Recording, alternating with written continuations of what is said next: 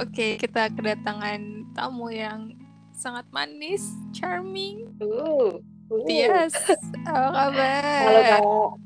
Baik, Hmm, selalu baik, selalu berusaha baik. asik.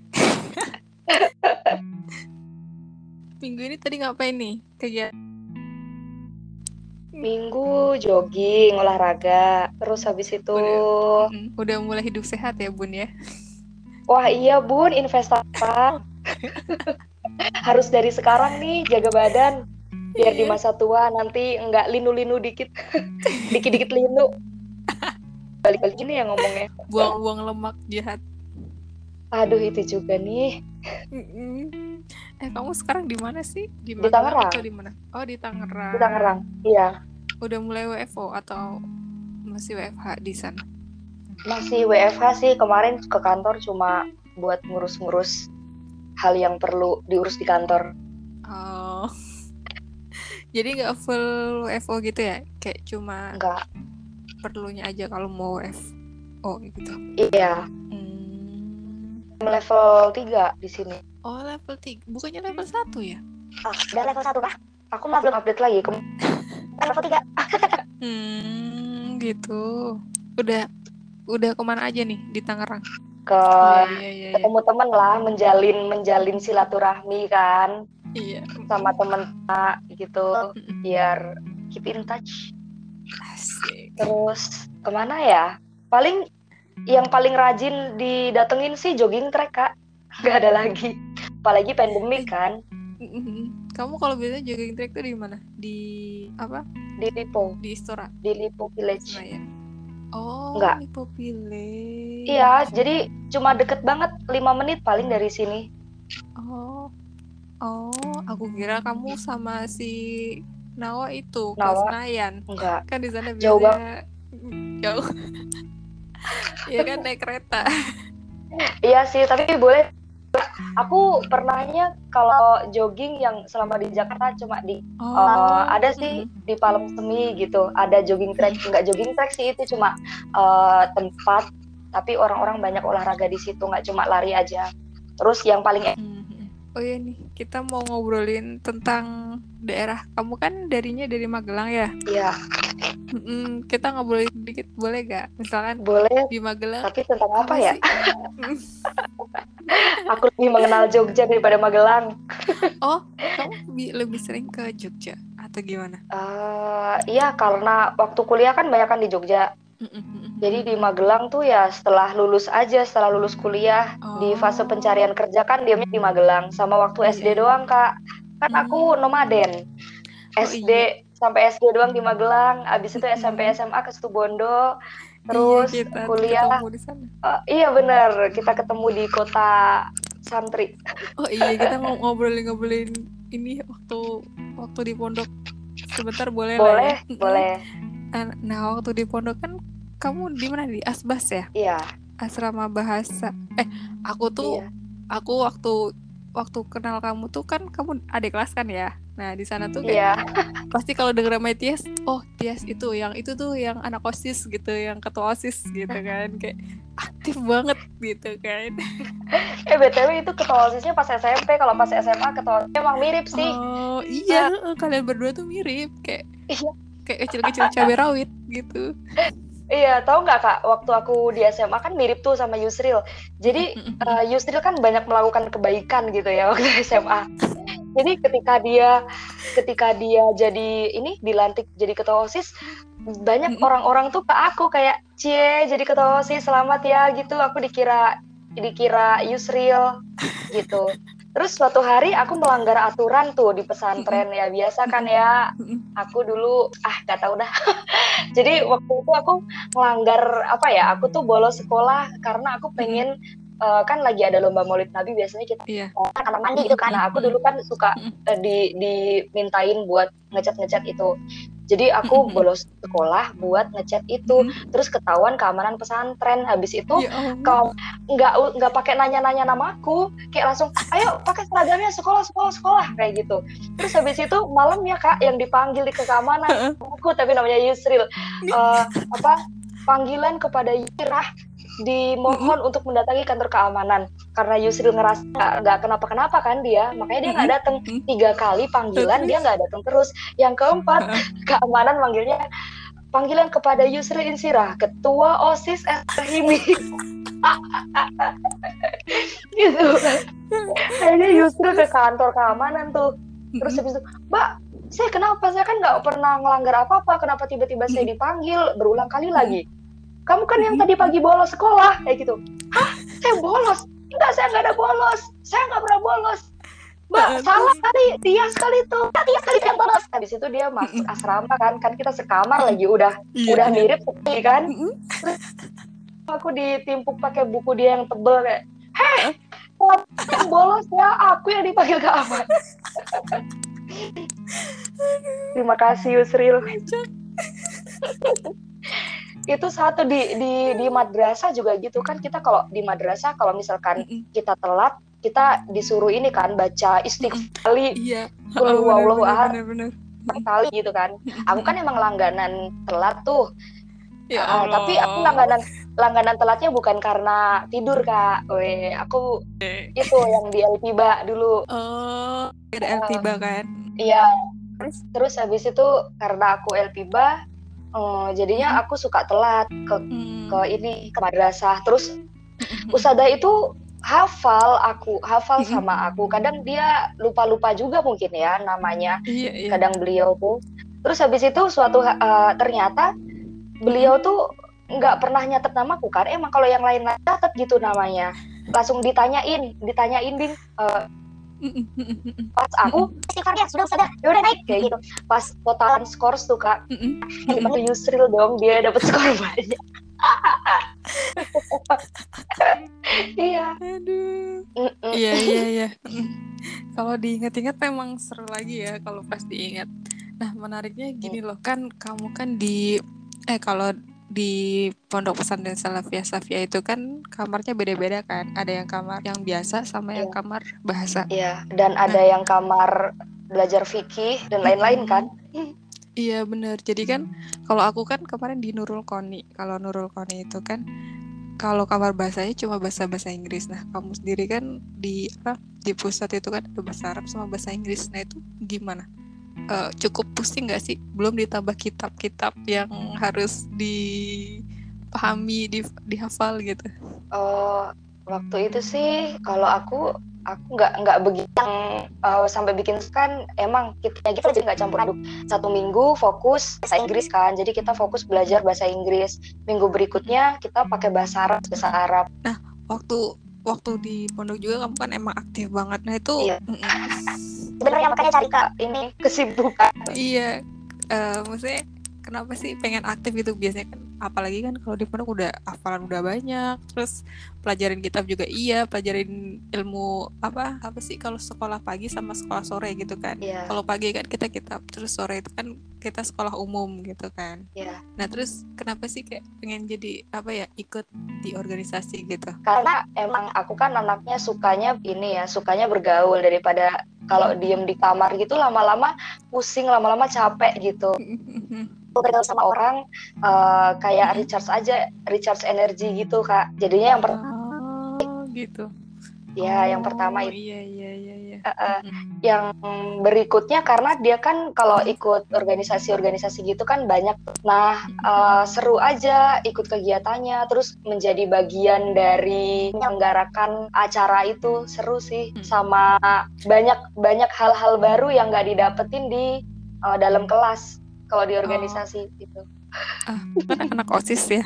Anak osis kan Mm-mm. apalagi kalau SMA gitu kan kita sering adain pensi. Nah ya nah itu eh, yang pengen aku tanyain mungkin susahnya gitulah. Susahnya waktu pas jadi osis itu kayak misalkan kan kita kita kan sekarang belajar belajar belajar agama juga iya terus belajar umum juga iya terus mikirin pensi pentas seni gitu kan. Nah itu menurutmu yang yang paling berat itu apa? Yang paling berat Mm-mm. kalau aku bilang itu eh, tuh kita tuh eh, karena banyak acara kan kayak ada pentas seni dan segala macam kita tuh pengen kita tuh pengen buat acara tapi kita tuh punya batasan-batasan batasan-batasan yang Kita penuhi kayak tetap Iya. tetap buka. Nah itu challenge-nya. Eh, gimana kita bisa push yang menarik yang apa tapi tetap dalam norma-norma agama kayak gitu. Itu sih yang Ah, yang challenge-nya. Oh, kayak kita misalkan ada dulu kan kita juga ada dance ya meskipun di pesantren Iya kan bener, ada eh, dance, dance, juga. iya.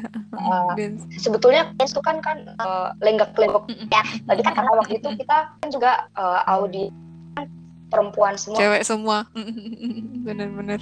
jadi di situ malah lebih lebih percaya diri gitu kan Hmm, orang-orang kan kadang tuh kalau misalkan di depan Iya. umum atau apa nah di pesantren tuh karena kita jadi anak-anak itu untuk menyalur potensi dia kayak misalkan dance eh sorry kita balik lagi ya itu agak agak Iya. ke mana-mana kayak contohnya eh, seni dance gitu ya kan kita eh, dance gerakan yang tetap bagus tetap menarik enak dilihat tapi tetap eh, Ngikutin tidak aturan.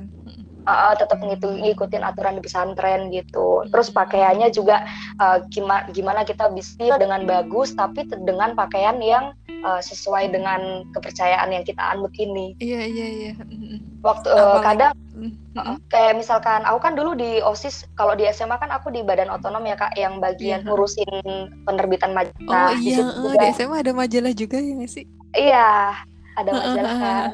Nah, di situ juga kita harus nyediain konten-konten yang yang ini yang sesuai aturan yang ada di pesantren gitu.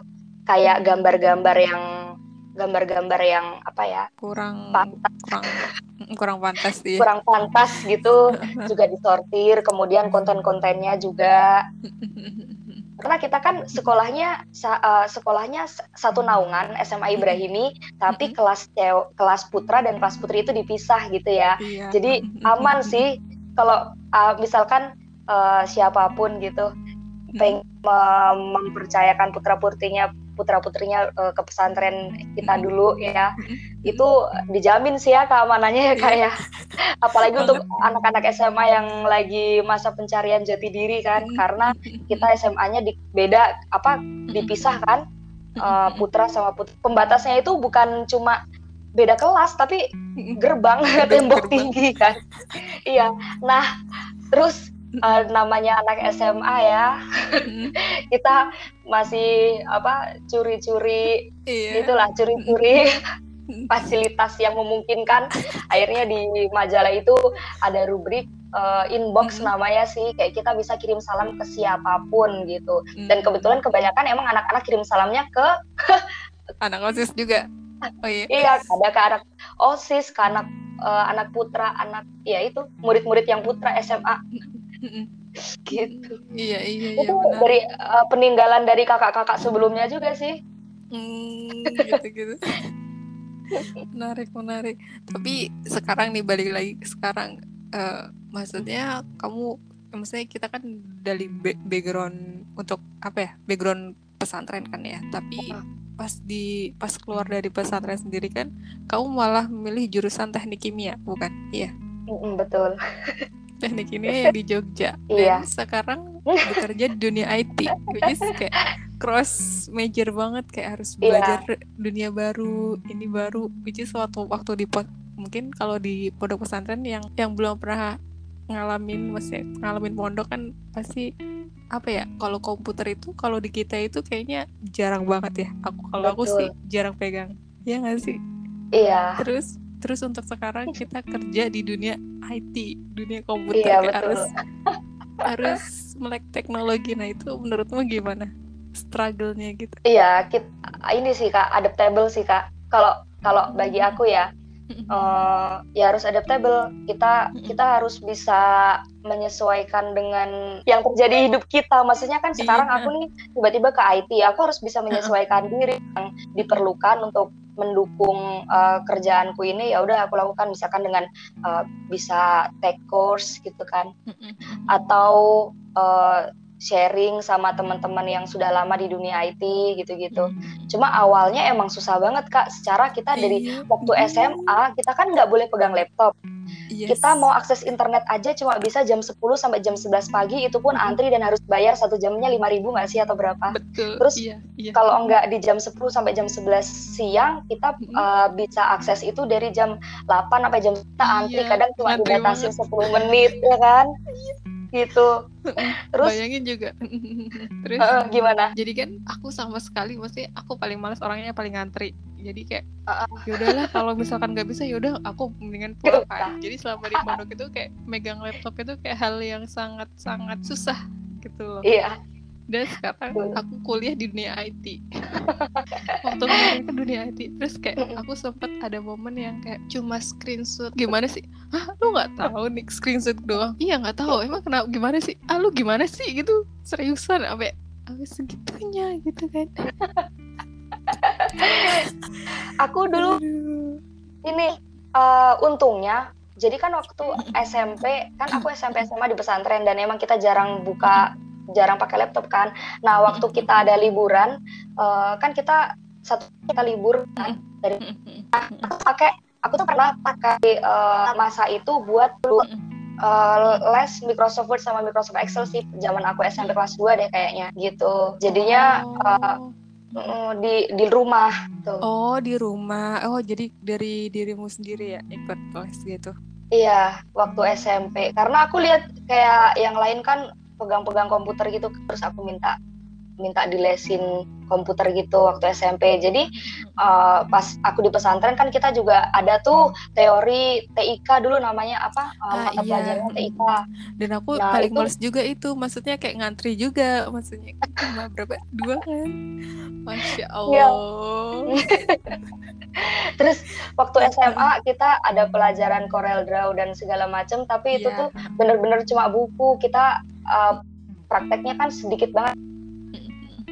Jadi uh, emang waktu pas begitu keluar dari pesantren, aku kuliah itu aku paling menghindari eh, hal-hal uh, yang berkaitan dengan teknologi informasi gitulah kak. Desain-desain itu pokoknya yang hubungannya sama komputer gitu aku selalu hindari gitu. Waktu cuma laptop tuh aku pakai ya buat ngerjain tugas. Karena basicnya emang cuma punya basic Microsoft Word sama Excel dari hasil belajar waktu SMP gitu di luar waktu waktu imtihan waktu pulang dari pesantren lagi kan. Iya. gitu aku hindari bener-bener hal-hal yang berkaitan sama teknologi informasi berkaitan dengan desain-desain yang harus kan mengharus komputer tuh aku hindari banget banget dah pokoknya waktu itu waktu kuliah. Tapi ternyata itu justru jadi jalan rezekiku. Iya. Gimana dong? Jadinya tapi keren sih eh, dirimu keren keren. Maksudnya kayak memang buta dunia IT maksudnya ya nggak emang dari awal nggak pernah belajar. Terus kayak sekarang kerjanya di dunia IT sebagai asisten product manager ya? Iya. Hmm, itu. Uh, asisten project manager. Iya asisten project manager. Dan yeah. itu kayak harus tahu sistem sistem IT malah ya kan? Iya kayak tambah pusing gak sih? Wah, iya coding coding harus ngerti kan? Aduh hmm, gitu. ini ini apaan sih maksudnya gitu ya kan iya. Padahal aku harus lead meeting kan itu. Kayak iya, mingguan meeting. Hmm. aku minta developer update status. Gimana nih? Hmm. uh, udah udah sampai mana? Oh ini nah nah nah nah nah nah, nah. jadi aku ah, jadi aku cuma catat aja tuh poin to poin uh, catat yang mereka omongin apa. Terus selesai meeting itu aku cari itu Google. Kadang aku juga tanya-tanya ke Kak Nudi punya Kak Nudi nih Untung kita kenal kak, terima kasih. Iya iya. Jadi aku uh, tanya-tanya juga. Sekarang lagi ambil ini kelas basic pemrograman kak, oh, biar keren. lebih paham lah, biar lebih iya, paham yeah, sama yeah, yeah, yeah. developer gitu. Ambil program apa? Java. Ambil program apa? Wow, oke, okay. ya. Yeah. Bukannya Java itu yang paling mudah ya dibandingkan yang lain? Iya, sebagai basic Iya, kata tentornya sih begitu. Jadi paham gitu. Iya.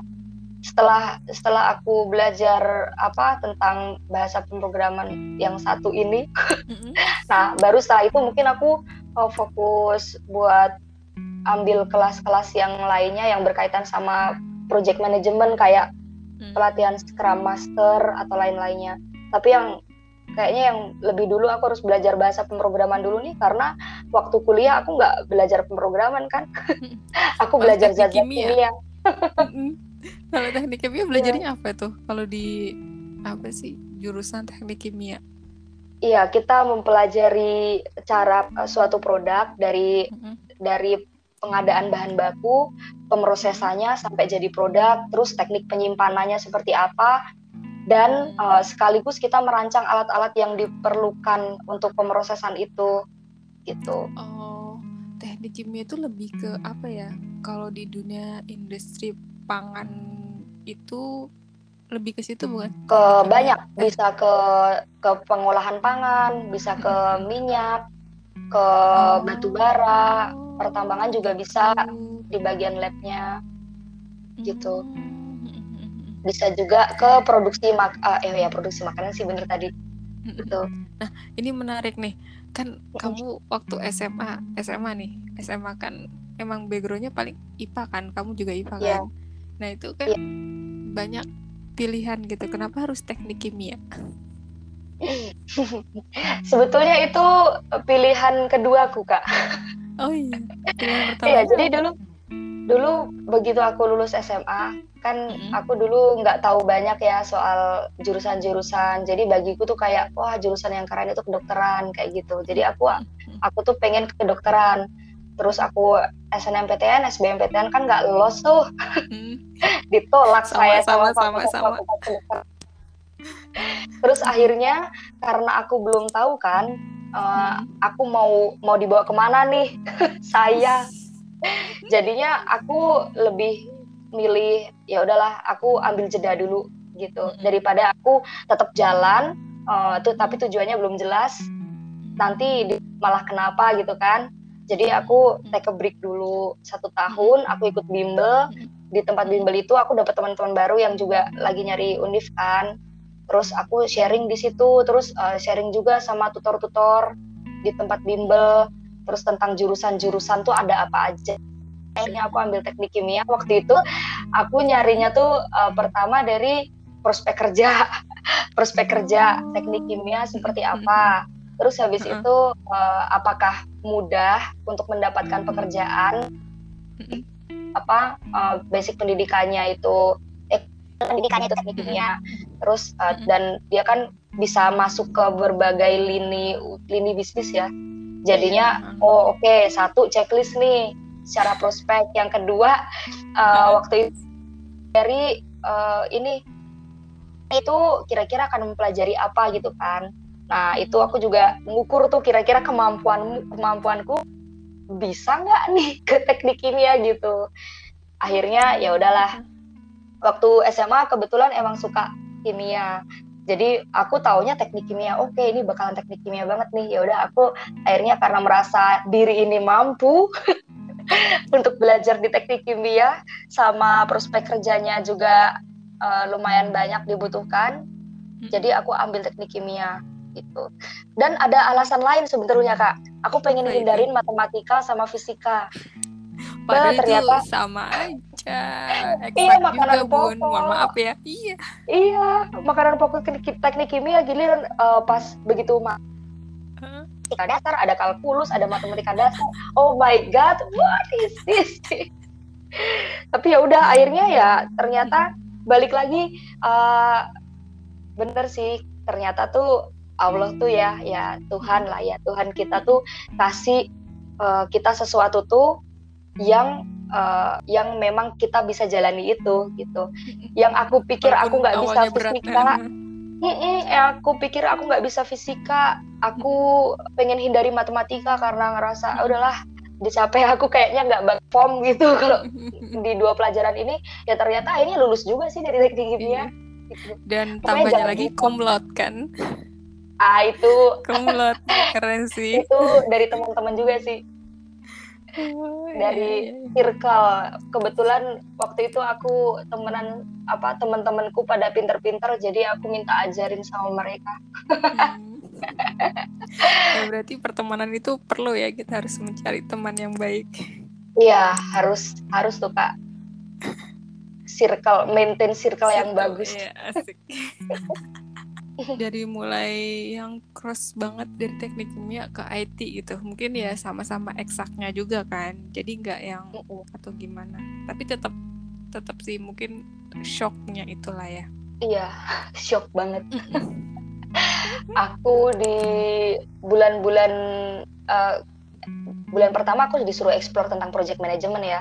Pas aku diterjunkan langsung ke satu project terus di project itu ngobrol sama developer terus mereka ngomong teknis gitu kan. Nah itu aku kayaknya aku jadi panic attack ya. Waktu itu aku nggak bisa aku gimana nih? Gitu. Nah aku kalau udah panik gitu tuh aku nggak bisa diem kayak aku nggak mau kalau nggak bisa kayak gitu. Iya. udah aku cari-cari ke kanuni berapa kali ya waktu itu. Nelpon juga kan. Oh, ya iya. sih maksudnya maksudnya dari dirimu sendiri juga ada kemauan untuk belajar lagi gitu kan nilai plusnya itu. Jadi kayak itu kerennya Iya. sih maksudnya masih ingin belajar lagi gitu. Iya. Terus setelah dan itu setelah kan setelah setelah selama ini di dunia IT gimana? Setelah nyemplung nih akhirnya. ya enjoy. Aku enjoy sih kak. Ternyata lebih ya enak juga nyaman. Yang hal yang nggak pernah aku bayangkan aku bakalan involve di dalamnya. Iya. Ternyata nyaman. Kerjaannya juga aku bisa handle. Terus eh, cara apa ya bukan cara ya cara bekerjanya. Kayak maksudnya kita bisa mobile gitu kan di mana aja kita bisa kerja. Ya aku nikmatin sih. Hmm, iya iya iya iya. Itu lagi kak kayak apa? kebanyakan orang itu kan aku juga nih. Kayak aduh Allah nih kan aku dulu pengennya aku dulu aku dulu ini pengen banget kerja di Paragon Paragon Teknologi tempatnya. Gitu kak. Di bagian supply chain. Oh, iya. Iya aku sampai aku tuh udah tahap akhir udah eh, jadi dari Jogja itu ada empat orang diundang ke Jakarta kan buat inter udah dibeliin tiket juga tuh dari para empat orang bener aku doang yang lolos terus aku ya Mm-mm. gimana sih ya Allah saya kan pengen pengen pak itu kan eh, idaman saya banget, tuh idaman. Paragon. Iya pengen banget ke situ. Eh, malah nggak nggak dikasih. Terus habis itu ya sedikit sebel. Sedikit sebel. Terus habis itu Kecewa waktu mungkin ya? masuk iya waktu masuk ke IT ya kok aku kerjanya malah di sini sih. Aku kan dulu pengen jadi apa ya pengen ke supply chain gitu kan atau Mm-mm. aku juga pengen pokoknya yang masih ada kimia kimianya gitu Mm-mm. tapi malah Mm-mm. kok malah jadi ke IT eh ternyata setelah dinikmatin setelah dijalanin ya aku bisa menikmati gitu Iya, eh. dan terlebih untuk saat ini kan yang lebih apa ya, yang lebih banyak yang digeluti kan dunia IT kan, depannya benar. gitu kan, prospek Iya. ke depannya lah. Iya, hot job dunia juga IT. tuh, Iya. hot job. Eh, developer-developer. Teman aku kemarin, Mm-mm. aku kan kemarin yang aku bilang eh, ketemu sama teman lama gitu, dia juga Mm-mm. dia eh, basicnya eh, dia an- eh, ini eh, geo apa sih? Geo eh sorry metalurgi, teknik metalurgi. Apa itu? Terus teknik teknik metalurgi kayaknya bebatuan gitu apa ya? Aku juga Oh. kurang paham sih teknik metalurgi itu. Heeh. UI. Terus? Kemarin aku tanya kan, jadi kamu Mm. gimana nih ke depannya kamu udah mengerucutkan nggak pengen ke mana arah karirnya gitu? Mm-mm. Aku pengen ke UI UX designer gitu. Loh, kok ke mana? Iya, jadi akuntan di salah satu perusahaan juga. Dia dari metalurgi jadi akuntan, tapi dia pengen jadi UI UX designer gitu ya. Mm. emang emang itu lagi ini ya pekerjaan yang banyak di ini sih banyak dibutuhkan dan lumayan juga ya kak ya Mm-mm. untuk kanuni yang pernah mencapai dua di Oh, Enggak. Oh iya gini, maksudku gini. Mm. eh, mungkin menurutmu apa ya? Kalau cross major, maksudnya kayak kamu kuliahnya di dunia kimia, terus kerja dunia IT itu kan emang kayak bukan bukan bidangnya kan, tapi tapi balik lagi kamu kan bisa untuk menjalin itu. Kalau misalkan nih kalau teman-teman pengen apa ya? kerja tapi di bukan bidangnya itu kira-kira ke depannya bisa nggak sih seharusnya kayak gitu seharusnya bisa sih asalkan dia punya kemauan untuk eh, yang tadi aku bilang kayak beradaptasi sama Hmm, pekerjaannya gitu. Ya kita harus agile kan. Eh, kalau pengen teman-teman pengen eh, cross apa sih cross major it's okay gitu. Kan lagian uh, sekarang itu kak kalau kita mau akses misalkan pembelajaran itu kan udah dulu yang harus pusing-pusing Iya. tempat kursusnya di mana dengan sekali klik sekarang udah bisa mengakses apa pun gitu kan. Iya, semua informasi. Oh, jadi- betul, betul. jadi kalau sekarang dihadapkan pada pilihan yang seperti itu maksudnya wah lagi galau. Jalan nih nggak apa-apa. Media pembelajarannya juga sekarang bertebaran di mana-mana. Iya. mau yang gratis ada mau yang berbayar juga ada balik lagi nih di kerjaanmu nih. Ya. Sebagai asisten apa project manager ini, kira-kira yang paling susah apa? Eh, paling susah apa sih? Pas pertamanya gitu. Yang menurutmu yang paling susah? Eh, man Oh, Manage team. gitu. aku bilang Kenapa Iya. gitu? padahal itu kayak core-nya ya karena itu harus kayak kita harus punya sensitivity nggak sih?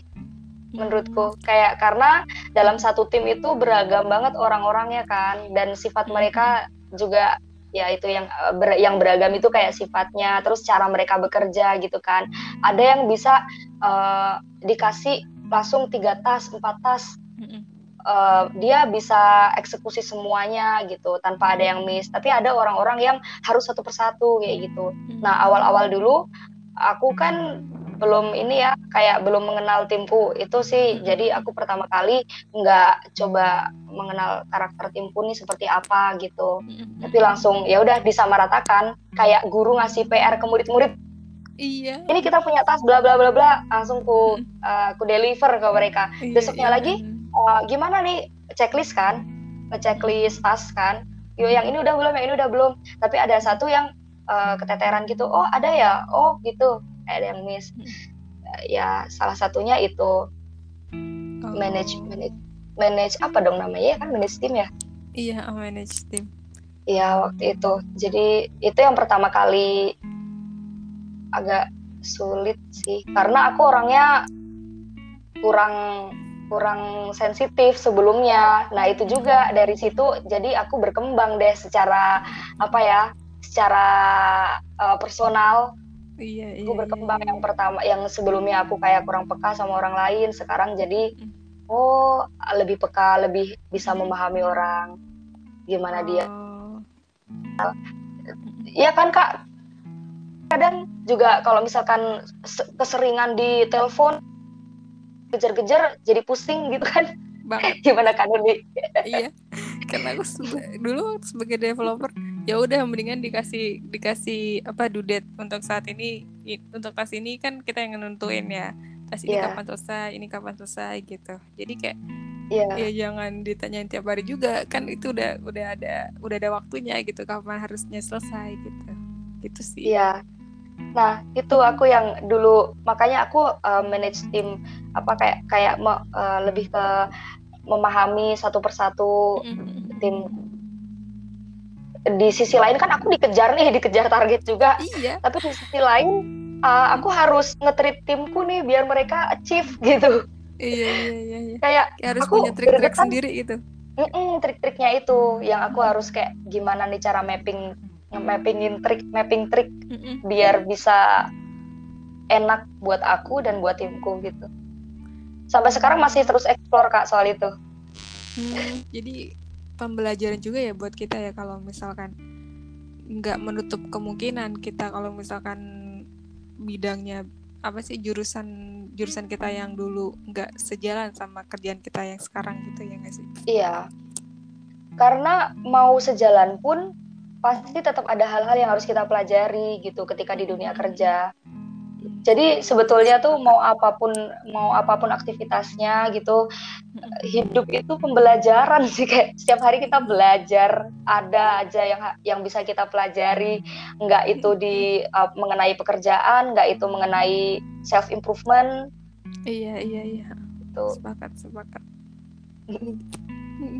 jadi mau Mungkin- itu cross major atau enggak tetap buat ngembangin skill kita. Hmm, ya. Nggak kak? Banget. Iya sepakat sepakat sepakat. ya as developer juga harus ini kan harus terus up to iya. date. Iya Sekarang- bahasa pemrograman juga semakin lama semakin berkembang juga gitu. nah itu dia Mm-mm.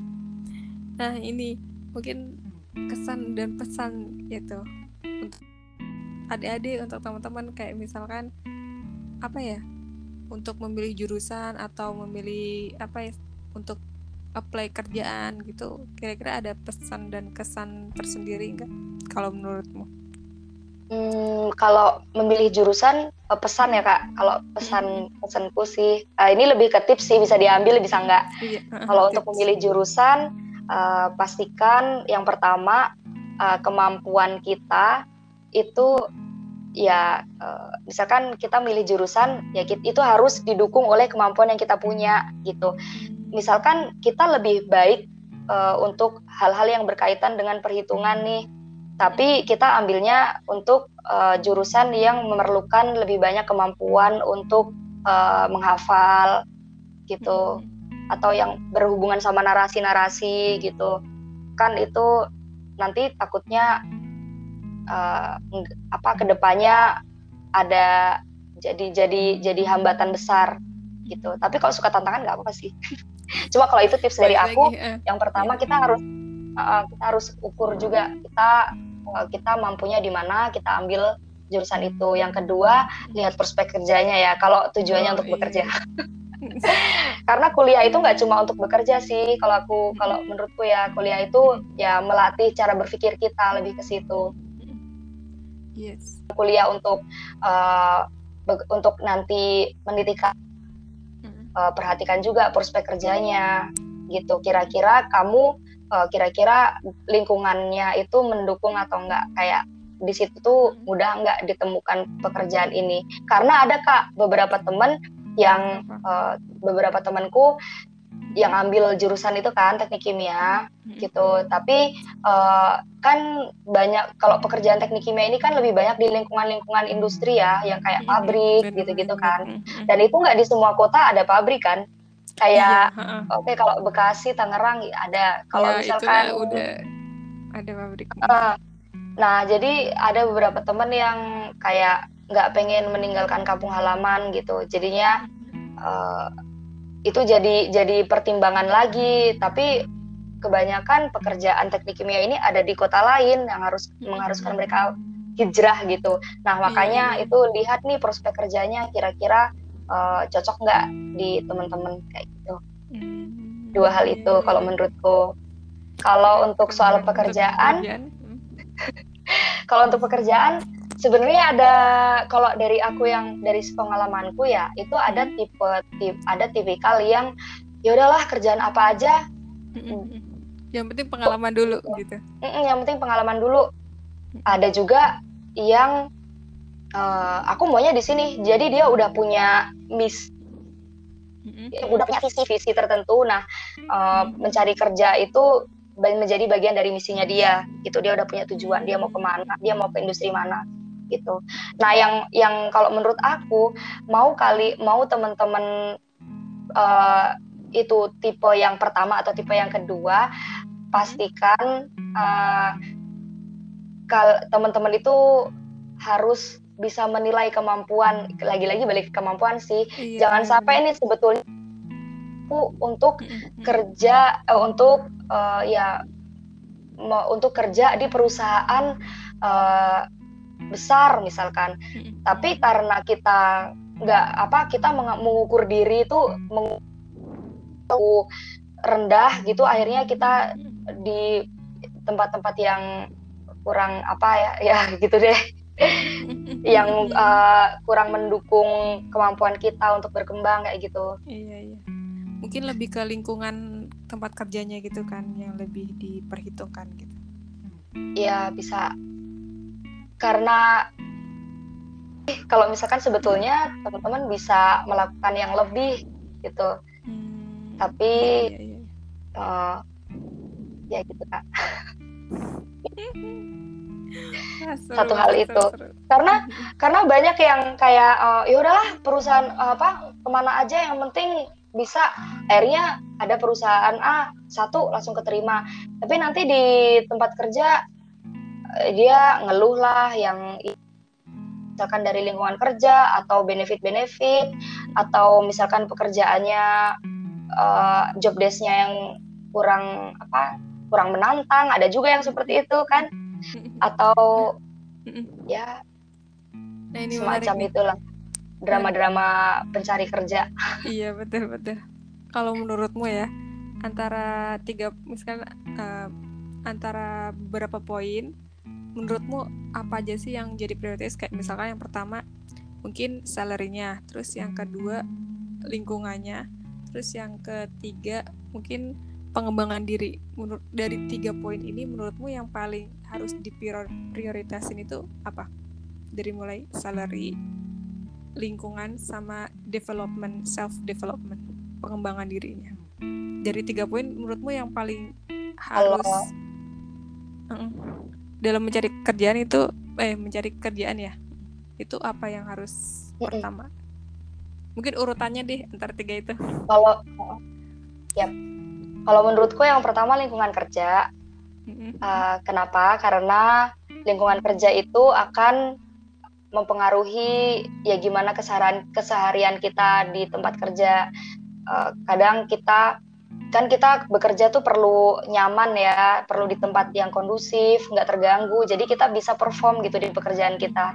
Jadi harus didukung dengan lingkungan kerja yang bagus, yang positif, dengan eh, kolega-kolega uh, yang support gitu. Yang kedua, aku salary sih kak. Baru yang oh, ketiga self iya, development. Ya. iya. Kita juga hmm. perlu iya, bertahan hidup. Dan juga kalau misalkan kita punya, misalkan kita apa ya, dengan salary salary tersebut, kan kita juga bisa jadi uh, kelas untuk hmm. pengembangan diri juga atau beli buku-buku iya. yang bagus gitu kan. Hmm. Baru yang ketiga pengembangan diri. Kalau itu aku. Uh, karena sebetulnya pengembangan diri itu ya nggak mesti harus diselenggarakan dari kantor sih kak menurutku itu ya dari kitanya hmm, iya iya iya iya Wah, seru seru ngomongin tentang cross major pengalaman di pondok dan struggle-nya sebagai asisten project manager. Thank you banget loh udah ngobrol-ngobrol di podcast Sama-sama. malam ini. Malam-malam okay, diajakin ngobrol. Makasih loh kak, jadinya aku merasa tidak apa merasa tertemani aku malam ini merasa tertemani dilema kan anak kos di kota di kota orang hmm. itu terima iya. kasih juga semoga oh, yes. Iya. adalah pelajaran yang bisa dipetik amin pasti selalu ada oh ya terakhir nih menurutmu perbedaan ngekos di Jakarta sama di Jogja apa Hmm, banyak. Banyak. Oh banyak ya. Uh, apa dulu nih soal oh, pengeluaran pengeluaran pengeluaran gimana? Lebih pengeluaran lebih banyak di sana atau di Jogja? Kalau untuk harga kosan, betulnya kalau untuk uh, kan kosan juga ada beberapa tipe ya. Ada yang kipas, ada yang AC dan lain-lain kan. Sebetulnya kalau harga kosan, kalau menurutku sekarang di Jogja sama di aja harga kosan di Jogja tuh sekarang uh, yang AC juga satu koma ya iya. di atas satu kan? Yeah. gitu di, di Tangerang juga di atas satu. Di jo di Jakarta di Jabodetabek juga di atas satu. Cuma kak ya balik lagi kalau misalkan mau uh, di Tanger di Jabodetabek ini lebih beragam lagi kan. Kayak kosan kosan yang AC ada yang 1,3, 1,5, 1,8, 2 juta, 5 juta gitu. Tergantung fasilitasnya dan kemewahannya. Hmm, tapi kalau uh, basically sama sih. Ya kayak standar kosan AC, standar kosan kipas harga di Jogja sama di Jabodetabek sama. Kalau untuk pengeluaran uh, transportasi beda banget kak kalau di Jogja karena aku pakai ini kan pakai kendaraan pribadi kalau di sini oh. serba serba ojek online serba hmm. angkot serba bus ya transportasi umum itu lebih banyak pengeluarannya Oh, Terus gitu. kalau uh, untuk makan juga lebih lebih pricey di sini dibandingkan oh, iya. Jogja. ya, kalau di Jogja kan kita uh, masih bisa dengan 8.000 rupiah kita masih bisa makan ini ya nasi ayam masih ada olive sekarang Oh, minimal iya, berapa kak bener. 8.000 apa 9.000 ya Eh nggak tahu Oh, deh. Soalnya aku Jadi masak sih. oh wow. Emang nih. Eh, tapi emang masakan Kanuni enak sih. Sebagai ini kan orang yang pernah mencicipi. Hmm. Oh. Hmm.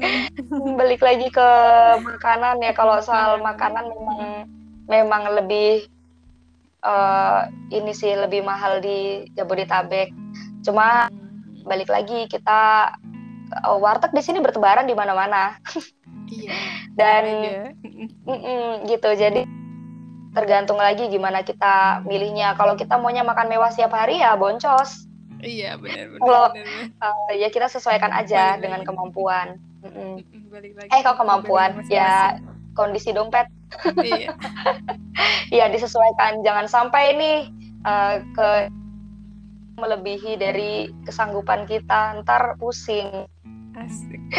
takut terjerumus ke mana-mana ya nggak soalnya sekarang eh, pinjaman-pinjaman online semakin meresahkan Iya, kayak ada ada cuma apa 2 juta terus kayak suruh balikin 30 juta kayak berkali-kali lipat Iya. gitu kan. Kayak aduh, mendingan gak usah deh, gak Betul. usah, gak usah. Big no for iya apa pinjaman online. iya jangan deh kalau bisa juga pinjaman-pinjaman offline jangan. jangan Iya betul. Kalau iya sih, aku apa ya mungkin apa sih eh, persepsi orang beda-beda ya. Tapi kalau aku Mm-mm. sendiri, kalau pengen minjamin, berarti kita harus ikhlas untuk nggak dibalikin, gitu aja. iya Jadi kalau kalau jadi kalau misalkan oh minjam misalkan dia minjam eh, let's say 8 gitu kan. Terus kita Ah, kita nggak nggak ikhlas nih kalau 8 Ah. itu nggak dibalikin. Mendingan nggak usah deh mendingan nggak usah. Bilang aja ah adanya cuma dua gitu. Kalau dia nyampe Iya. ya udahlah gitu. Iya. Mm-mm. itu tips Kalau- eh, yes betul. Aku sepakat. Dan kalau kita belum bisa merelakan dua juga bilang aja nggak ada nggak apa-apa. Iya. Kalau mau dipinjam kita siapin skenario terburuk iya mm, iya sih. Paling ya gitu aja maksudnya bilangnya yang paling kecil yang yang sekiranya kita ikhlas untuk nggak dibalikin gitu. Konsekuensi orang meminjamkan itu nggak bakal dibalikin iya. Iya worst betul. case-nya. Iya. Nah kebanyakan temen apa sekarang ini kan penyakitnya orang-orang penyakitku juga sebelum ini. Sekarang masih jadi penyakit juga kan jadi Oh, yes iya. man yes woman. Oh iya kan jadi orang yang aduh nggak enak nih buat buat bilang Gak enak, enggak nggak gitu. enakan, gak enakan. iya padahal itu menyiksa diri sendiri sejujurnya Iya. itu itu yang harus dilatih sih untuk bilang enggak Iya iya Iya, sih kalau- maksudnya. Aku juga juga masih masih kayak gitu sih maksudnya kalau yang memang memang nggak stroke jarang sih bilang enggak tapi ya mungkin lebih ke apa ya kayak di gimana ya susah juga sih bilang kayak gitu. Saya kan orang Indonesia itu kan mayoritas orangnya tipikalnya nggak enakan ya nggak sih? Iya nggak enakan. Itu tadi. Jangan jangan sampai ya sebisa mungkin kita juga jangan jadi orang yang membuat orang lain harus mengatakan oke. Iya, balik lagi ke tadi sih kayak uh, kalau untuk apa pengeluaran makanan ya, kalau untuk Mm-mm. Sehari-hari ya memang lebih banyak di sini. Tapi kita bi- masih bisa kontrol itu, kita masih bisa handle itu dengan um, bisa masak sendiri kayak Kanuni sekarang kan, bisa masak sendiri. Mm-mm. Uh, atau ya uh, mungkin kalau mau makan mewah ya bisa seminggu sekali, dua minggu sekali, sebulan sekali gitu. Jangan terus-terusan kita makan nggak enak juga kan, harus Iya, harus kasih kado Self buat diri sendiri. Yes, self reward. gitu. Terus apalagi ya kalau soal pengura pengeluaran? Hmm, Pengelolaan transportasi akomodasi. iya Oh akomodasi. itu kan kalau kalau kosan tadi kan udah. Kalau internet di sana atau udah cover sama ini kosan? Udah cover sama kosan di tempatku. Oh, berarti nggak perlu lah ya isi kuota-kuota gitu. Tetap perlu kak. kan ke mana-mana harus pakai ojek online. Oh iya bener ya. Kalau keluar nanti nggak bisa pulang. Aku pernah cobain naik angkot di Walau sini. terus terus Ya aku pernah Lama naik ya naik angkot. Bukan, Hmm. ternyata aku salah naik angkot. Jadi semakin jauh. Dan oh ya, yang eh, kebanyakan teman-teman mungkin yang di luar Jabodetabek masih Mm-mm. ada pemikiran kalau ah di Jakarta orangnya ini sendiri-sendiri, terus mungkin oh Mm. jangan apa takut karena orangnya mungkin gimana-gimana gitu. Karena Jakarta Mm. kan ibu kota gitu kayak istilahnya.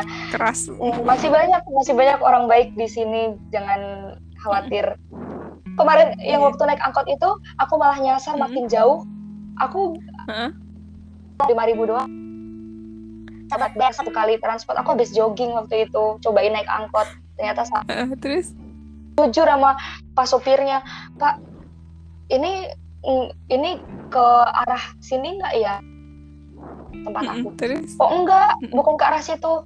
Oh berarti saya salah pak. Oh, ya udah pak, saya minta tolong diturunin kayak gitu.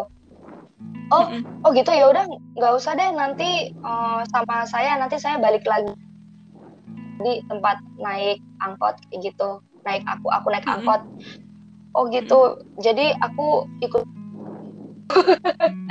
Terus aku jujur dong bilang, terus Pak, tapi saya cuma bawa uang lima ribu. Udah nggak nggak apa-apa nggak usah dipikirin itu mah neng nggak apa-apa. Eh, nanti ikut saya dulu tapi ya kayak gitu. Oh iya Pak. Jadi aku ikut dan Oh. ternyata bapak itu malah nganterin aku sampai kosan. ya sampai depan Allah. kos. Pak nggak usah ke sini ini kan bukan jalurnya bapak kayak gitu. Terus nggak apa-apa nggak apa-apa nanti saya sekalian ke arah sana aja nariknya gitu. Ya semoga bapak itu rezekinya selalu lancar deh. Amin ya Allah. Semoga sehat selalu. Amin. Masih banyak orang-orang baik So-soan di sih. sini. Setelah naik angkot malah jadi nyusahin. Hmm, Beneran bayar banyak ya 5.000. orang baik. Masih banyak orang yang baik. Kalau bisa Dan kita juga jadi salah bisa- satunya. Kita juga baik. Nah, iya betul. Betul. Kalau bisa kita salah satunya. Hmm. Seru banget nih ngobrol-ngobrol, bincang-bincang pilot talk kali ini. Piloto. Oke, thank you banget ya. Aduh, mata udah kerip-kerip nih. Oh, oh iya besok kerja kak, besok hari Senin. Mm, Sok Senin. Aduh, thank you banget. Kamu sehat-sehat ya di sana, di Iya, Tangerang. ini juga. Semangat terus. Yes.